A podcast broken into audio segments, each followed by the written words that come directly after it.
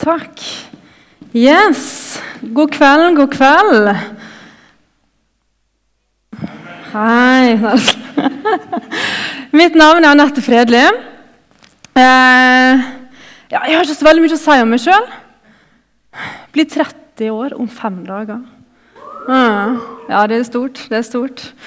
Eh, ja, det er det eneste jeg kan skryte av. Um, ja, jo, jeg jobber som ungdomsforkynner i Misjonssambandet Norge. Så jeg reiser rundt land og strand i vårt eh, kjære land og forkynner evangeliet til ungdommene våre i eh, Misjonssambandet. Yes. Jeg bare eh, går i bønner nå. Ja.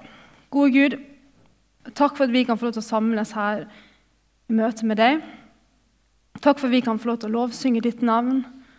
Takk for at vi kan eh, bli enda bedre kjent med deg, og at du kaller på oss, Jesus. Jeg ber om at du skal møte hver enkelt der de er akkurat nå. Hjelp deg til å åpne opp ørene og hjertene, slik at de kan ta imot det du har å si til dem i dag, og til meg. Amen. Kveldens tema det er altså henta fra noen kjente ord i, fra Bergpreika som eh, står i Matteusevangeliet. Og De kjente ordene jeg tipper dere har hørt dem før. Søk først Guds rike. Og Jeg vet ikke om du har hørt disse ordene ofte retta mot deg. Det har i hvert fall jeg. Jeg har gått på kristen internatskole, og herlighet som ofte jeg har fått den pekefingeren mot meg, og jeg har også gitt den til andre med disse ordene. Ganske sånn spisst og litt frekt. Søk først Guds rike, da. Så får du alt i, i tillegg. At jeg ofte har sagt de ordene til folk som kanskje hadde behov for å lese til morgendagens prøve i naturfag, eller til noen som var slitne og trengte egentlig bare å hvile. Eller bare til noen som ikke var helt sikre på om de ville gå på møte. Så kunne vi rette den fingeren og si 'søk først Guds rike'. Disse ordene tror jeg har gitt utallige mennesker dårlig samvittighet og usikkerhet rundt troa. Er ikke jeg frelst om jeg ikke går på møte i kveld? Jeg tror kommentarene er med på å skape forvirring rundt tro, rundt troa på Jesus Kristus. Og jeg tror vi egentlig bare leder dem på ville veier i troslivet når vi retter disse pekefingrene mot dem. Her har både jeg og andre gjort en dårlig jobb med å være søsken i troa. Kanskje litt hardt å si, men det er faktisk en dårlig jobb hvis vi har gjort det. For hva uttrykker vi med disse ordene? Jo, vi uttrykker at troa handler om at du skal gå på møter og gjøre disse kristne tinga. At det er det det handler om. At troa blir liksom basert på prestasjonene dine. Men hva er det Jesus uttrykker da med disse ordene?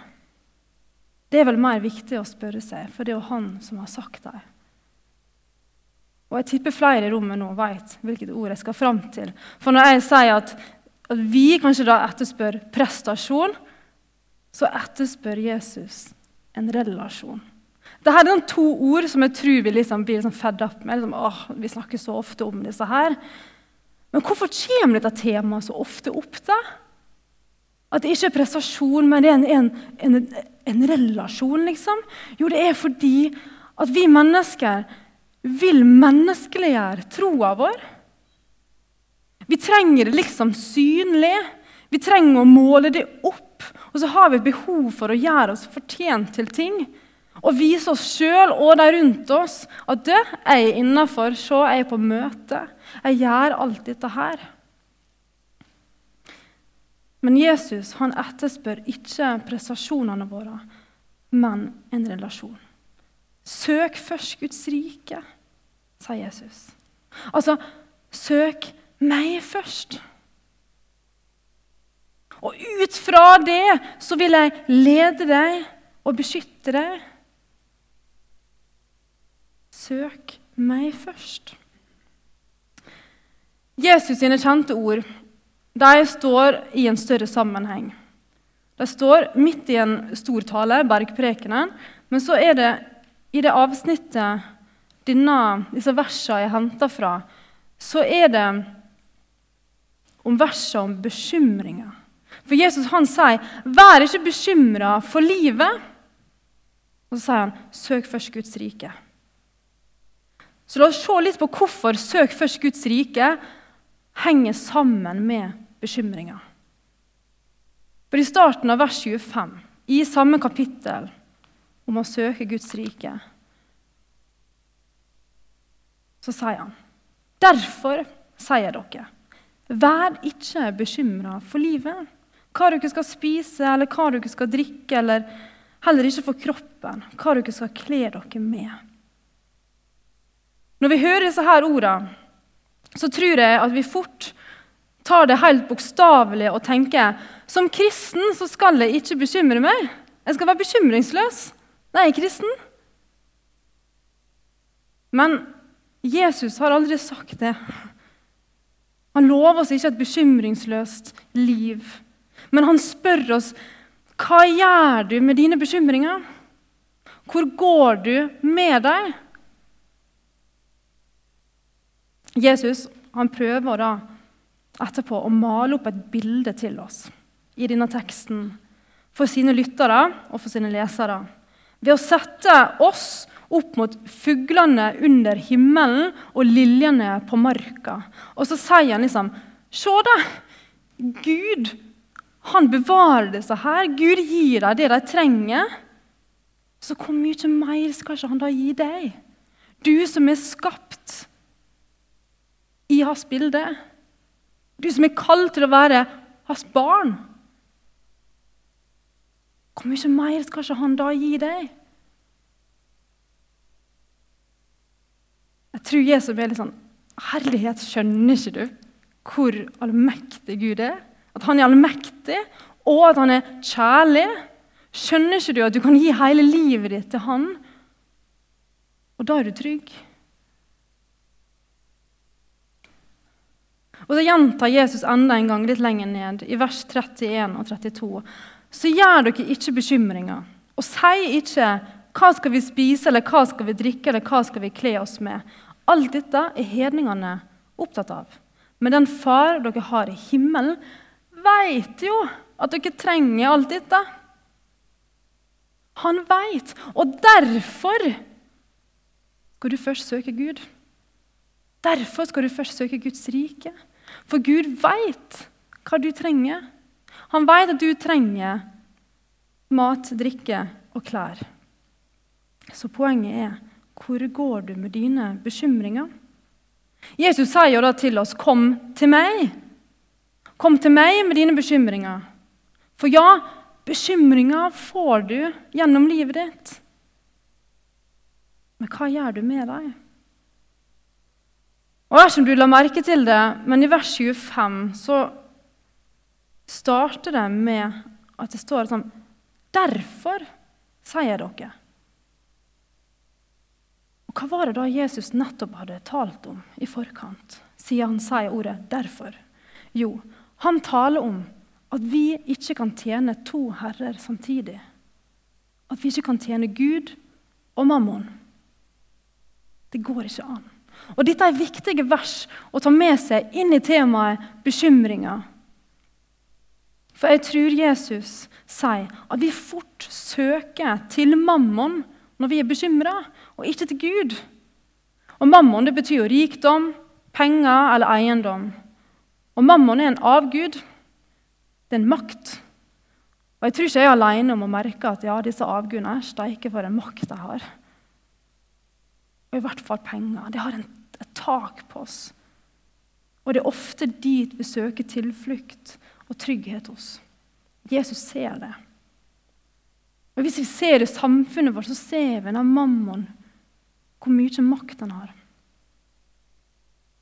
Han ønsker at vi skal komme med våre bekymringer dit, til pengene. Og den, er, den vil ikke at vi skal komme med våre bekymringer for at de skal fikse bekymringene våre. Nei, den gjør det egentlig for at du skal bli enda mer bekymra. Den vil egentlig bare grave deg enda lenger ned i det mørket du kjenner på. Og ut fra denne pengenes makt, altså mammon, så har vi mennesker skapt et sånt tilfluktsrom, vil jeg kalle det for, um, som utrolig, utrolig, mange mennesker er avhengig av, og hvor vi legger våre bekymringer. Og det er altså skjerma. Okay, nå er jeg litt utenfor temaet her, men jeg syns det er ganske viktig. Uh, for jeg tror veldig mange kommer med sine bekymringer til skjermene som er rundt i samfunnet vårt. Jeg merker det i eget liv og med de som er rundt meg. Så ser jeg at når bekymringene dukker opp, angsten, redselen, et eller annet, stress, så søker vi fort til en skjerm. Jeg kan bare si med denne talen Herlighet, så mye jeg har scrolla på den telefonen. Fordi jeg blir engstelig og stressa. Og istedenfor å jobbe, så bare Nei, jeg må søke på noe. VG og sånne ting. Og når jeg er rundt i småbarnshus, skulle jeg si, hjemme hos småbarnsfamilier, så ser jeg jo at veldig mange foreldre roer ned barna sine med nettopp en skjerm. Hvis ja, nivået på eh, Hva skal jeg si Nivået deres, lydnivået, er litt høyt, så gir dem en skjerm. Eller ungdommene jeg har rundt meg. Når de kjenner på angst, ja, da går de rett inn på TikTok og blir rolig av den. Eller voksne som fjerner ensomhet med å sette på TV-en eller scrolle seg vekk. Altså Mange søker flukt fra virkeligheten og bekymringene sine inn i et nettverk som egentlig bare tjener penger på oss. Ser du mammon? Ser du avguden? Sosiale medier de gjør alt for at vi skal scrolle bare litt til. Bli litt til. Og Netflix-sjefen som står og spør sine ansatte hvem er vår største fiende. Nei, det er ikke HBO. Nei, det er ikke Disney pluss. Det er søvna til folk. Sant? Dette er jo folk som vil bare tjene penger på oss, som ikke bryr seg om utfordringene våre. Vi kan også se på matindustrien. I fjor så, så jeg et skilt fra McDonald's der det sto 'Trøstespis' i store bokstaver. Så sto det under 'Vi er her for deg'. Oppe i hjørnet sto det en 'lykkegaranti'. Altså, Det er helt sjukt. Det er sånn, Kom til oss med dine problemer, med dine bekymringer. Men hva gjør de med våre bekymringer? Jo, de bare graver oss enda lenger ned i det mørket. Det hjelper oss litt ut en gang. Og Ungdommene jeg ser rundt meg, med den angsten som de kjenner på Det hjelper ikke med TikTok. TikTok kan bare gå og legge seg. Ja, nå ble jeg litt sint også. ja. Hvem går du til med dine bekymringer? Hvem søker du tilflukt hos? Avguder som vil tjene på deg, eller Jesus Kristus som vil tjene deg, som har gitt livet sitt for deg? En som vil ha en relasjon med deg. Hvem gir du livet ditt til og bekymringene dine til? Jesus sier 'Kom til meg, alle dere som strever og bærer tunge byrder, og jeg vil gi dere hvile'. Kom til Jesus med dine bekymringer.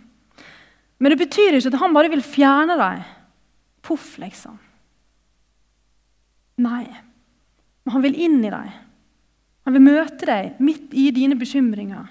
Og ikke ved å presse deg ned, heller ikke med å gi deg en skjerm som skal overdøve alt som spinner i hodet ditt. Nei, Jesus han vil hjelpe deg til å løfte blikket og perspektivet. Han gjør jo det med bare å si 'Se på fuglene', da. Se på blomstene. Sant? Han løfter perspektivet vårt. Wow, vi har en allmektig Gud. Og Jesus, han, med sitt ord, Han kan gi oss en lavere puls og en ro til å kunne håndtere bekymringene våre. Han kan gi oss en styrke i møte med dem. Og styrke er med på å gjøre bekymringer håndterlig. Han vil hjelpe deg til å løse det. Og det man ikke kan håndtere, vil han hjelpe deg til å legge bort. La oss lese vers 31-32 igjen. Så gjør dere ikke bekymringer, og si ikke 'hva skal vi spise', eller 'hva skal vi drikke', eller 'hva skal vi kle oss med'. Alt dette er hedningene opptatt av, men den far dere har i himmelen, vet jo at dere trenger alt dette. Jesus vet hva vi trenger. Han har skapt oss. Han ser alltid oss. Han vet hva vi trenger. Vi trenger mat, drikke, klær, penger, venner, familie osv. Så, søk først Guds rike, så får du alt det her i tillegg. Det er ikke slik at 'søk først Guds rike' handler om at du må være her hele tida. I møtesalen, i menigheten, som jeg sa innledningsvis. Eller på alle bønnemøter. At du må lese så og så mye i Bibelen eller be så og så mye. Nei, det er ikke en prestasjon ved å søke først Guds rike. Men Jesus han vil ha en relasjon med deg. Han vil være sentrum i ditt liv. Og Da betyr ikke det at livet i Jesus blir å leve her i kirka, her i menigheten. Nei, vi har et liv som gjør mye mer. Vi har aktiviteter, vi har hobbyer, vi har studie, arbeid, hviletid, sovetid, måltid, henging, spilling. Altså, Vi gjør så mye forskjellig. Og Jesus er, han vil at du skal søke Guds rike midt i alle de tingene. I hele livet ditt. Der vil han være. Jesus vil være, på, være med deg på dine oppturer og dine nedturer. Jesus vil være med på treninga di og i hviletida di. På spillekveld og bønnekveld. Skjønner du tegninga? Søk først Guds rike. La Gud gå sammen med deg i hverdagen og på festdager. Alle dager. Men det betyr ikke at stormene ikke kommer når vi inviterer han inn. For livet det går i bølgedaler, men Gud er med oss i dem. Så det nye livet i Jesus betyr ikke at, at livet automatisk blir tipp topp, tommel opp. Det blir kanskje aldri det heller her på jorda. Nei, Jesus han sier faktisk til sine disipler etter bergprekenen at nå skal dere ut. Nå skal dere fortelle dette her. Det jeg har fortalt dere, skal dere gi videre. Og så sier han at det vil bli hardt for dere. Dere kommer til å bli forfulgt. Jeg sender dere faktisk ut som sauer blant ulver. Og det høres jo ikke noe lovende ut. Men altså, kristenlivet det er ikke smertefritt eller bekymringsløst eller enkelt. Vi vil møte motstand rundt oss og i oss, for vi lever i en syndig kropp og en syndig verden. Men vi har en Gud som vil bære oss igjennom det. Han vil være hyrden vår, som vil lede oss ut av det. Oi, kom den opp nå? ok. Ja. Jo, du kan ha den der. Den skal opp snart. Bare ta opp sauen, du. Ja, bra. Um, ja, fordi det er lett å tenke da, at det er kun kristne som er sauer. Og det er jo på en måte litt altså Jesus snakker om jeg, sau og geit og sånn. Men i utgangspunktet så er alle mennesker sauer her på jorda. Og så er det en ulv der ute. Og ulven, det er jo djevelen, ondskapen, som trekker oss vekk fra Gud. Trekker oss vekk fra flokken, inn i fortapelsen. Og den er reell, den kampen der er reell for alle mennesker. Ulven er der ute, om du er kristen eller ikke. Så spørsmålet er jo liksom hvem er hyrden din? Og du kan ikke være din egen hyrde, for du er sau. Sau kan ikke være hyrde. Du trenger hyrden, og det fins bare én hyrde.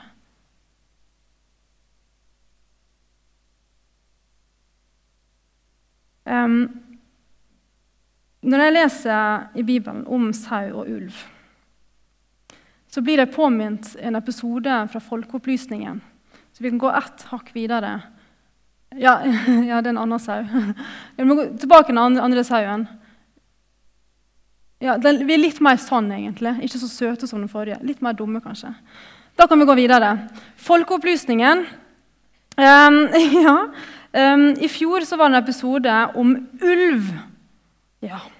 Og jeg husker når jeg satt og så på den, så ble jeg helt sånn wow. Wow, wow, wow. Dette her er jo så bibelsk. For det blir altså sagt at i Norge så blir 18 000 sau drept av ulv. Mens i store deler av eh, Europa så er det 21 000 sau som blir drept av ulv. Det er ganske stor forskjell, lille Norge liksom, mot så store deler av Europa. Og så eh, Sammenligner de Norge med Sverige, vårt naboland, og det neste. Da blir det altså sagt at i Norge så dreper én ulv i snitt 34 sau i året. Mens i Sverige dreper én ulv i snitt én sau i året. Det er ganske stor forskjell. Ganske sjuke tall. Og jerven Det er et annet dyr, da. jeg, drev, ja, jeg vet ikke hvordan du ser det engang. Eh, jo, jeg så den i dag. Nei, ikke i dag, men i sommer på, i Dyreparken. det gjorde jeg. Eh, jerven dreper 7,5 ca. 1000 sau i året. Mens i Sverige så dreper den i snitt to stykker i året. Det er ganske sjuke tall. Og så sier da ulveeksperten, som er neste Ulveekspertene sier ingen sau er i stand til å forhindre at ulv dreper den. Og Det gjelder også i Sverige. De svenske sauene har ikke superkraft. Det kan se sånn ut, men ingen sau er i stand til å forhindre at ulv dreper den. Og Da spør Andreas Wahl i neste hva bør vi gjøre? Og svaret fra eksperten er og det neste Det eneste tiltaket som fungerer, er å ha sau på inngjerda område. Og så sier han også videre i programmet og i de landene de også har gjeter så blir nesten ikke sau drept. Det eneste som beskytter dem, er inngjerding og en gjeter. Og hva skiller Norge fra Sverige? Jo, det er inngjerdinga. Det er ikke forskjell på sauene eller ulvene. Sauene er like dumme, ulven er like sterk. Men det er inngjerdinga som er forskjellen. Det kan se fristende ut for oss å vandre fritt i livet uten gjerde. Det kan virke som om man da lever i frihet. Det kan vandre opp på fjellene våre som sauer. Men i møte med ulven så har vi ingenting å komme med. Rett og slett ingenting sauen, vi. Vi trenger hyrden, og vi trenger gjerdene. Og Jesus er den gode hyrde. Vi kan gå til neste. Der ser vi da Ja, nei, OK. Ja. Ok. Gå tilbake igjen. Sånn, Poenget mitt var sånn I møte med ulv, sauen helt ute. Vi dør. Og neste med hyrden. Wow, ja, fin tegning Den fineste jeg fant på Canva, så er vi trygge. Ulven dør. Vi er trygge. Og vi er fri hos hyrden. Innafor gjerdet. Så ja, vi blir sendt ut som sauer blant ulver. Men vi har hyrden. Vi har gjerdene. Vi er beskytta, vi er fri. Så hvem er hyrden din? Hvem søker du tilflukt hos? Hvem går du til? Og du må gå til noen hvis du skal bli redda. Du må gå til Jesus. Legg alle dine bekymringer og hele livet ditt i Jesus sine hender. Og helt til slutt så har jeg lyst til å legge fram to bilder, og det neste.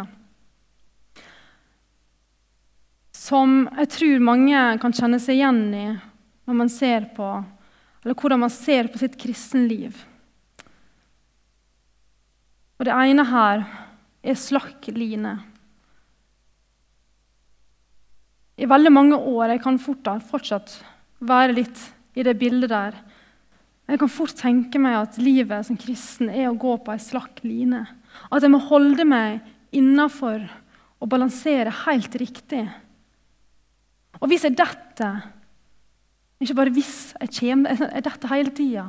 Jeg faller i synd så er fallet for meg så utrolig stort av og til at jeg bare shit, Nå er jeg utafor. Nå må jeg karre meg opp igjen. Jeg må begynne å balansere en gang til. Jeg må frelse, jeg må, jeg må bli frelst på nytt. Jeg må få Guds nåde på nytt. Jeg er utafor. Men det er veldig slitsomt å tenke sånn. For Jesus tenker ikke sånn. Livet skal ikke være som å gå på ei slakk line der du skal holde deg akkurat innafor.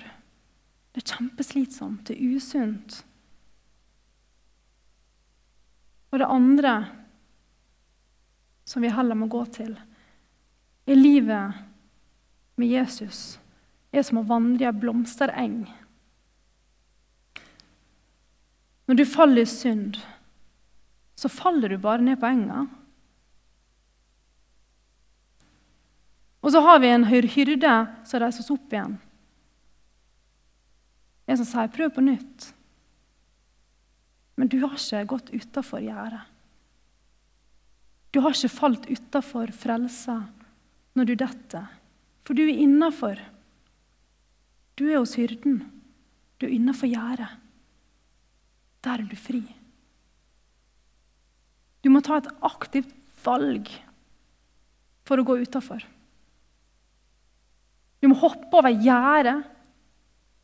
Du må si nei takk, Jesus. Jeg vil ikke tro på det lenger. Jeg tar avstand.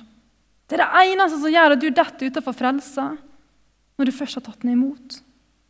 Når du først har fått den, er å si nei takk. Ikke gjør det, da. Ikke si nei takk. For du trenger Jesus. I blomsterenga kan vi vandre med vår hyrde og bli leda som en sau. Og en sau gjør mange dumme ting. Det gjør vi også. Vi er sauer, derfor trenger vi en hyrde. Jesus forstår. Søk først Guds rike. Inviter Jesus inn i hele livet ditt. Vær ikke bekymra. Altså, gå til Jesus med dine bekymringer. Og helt til slutt Jeg sa egentlig det der var helt til slutt, men jeg sier en ting, ting til. Jesus tar ikke bare vekk alt. Livet er tøft. Og vi kjenner på smerter og tårer Kanskje blir vi aldri helt kvitt det. Men midt i det så har vi det sterkeste håpet. Vi har det sterkeste ankeret som er kasta innenfor forhenget. Altså inn til Jesus, og han har tatt tak i det. Altså Vi er så trygge når vi føler oss helt lost eller nede i mørket. Midt i mørket får vi lov til å løfte blikket vårt og vite at men en dag så skal jeg hjem. En dag skal ikke jeg kjenne på alt det vanskelige i meg eller rundt meg. En dag er det borte. Og det er veldig godt å hvile i. Det er så godt å leve i. For da har man plutselig blitt fri midt i fangenskapet sitt. Jeg tar det som et hint om at jeg går ned. Jeg gjør faktisk det. Amen.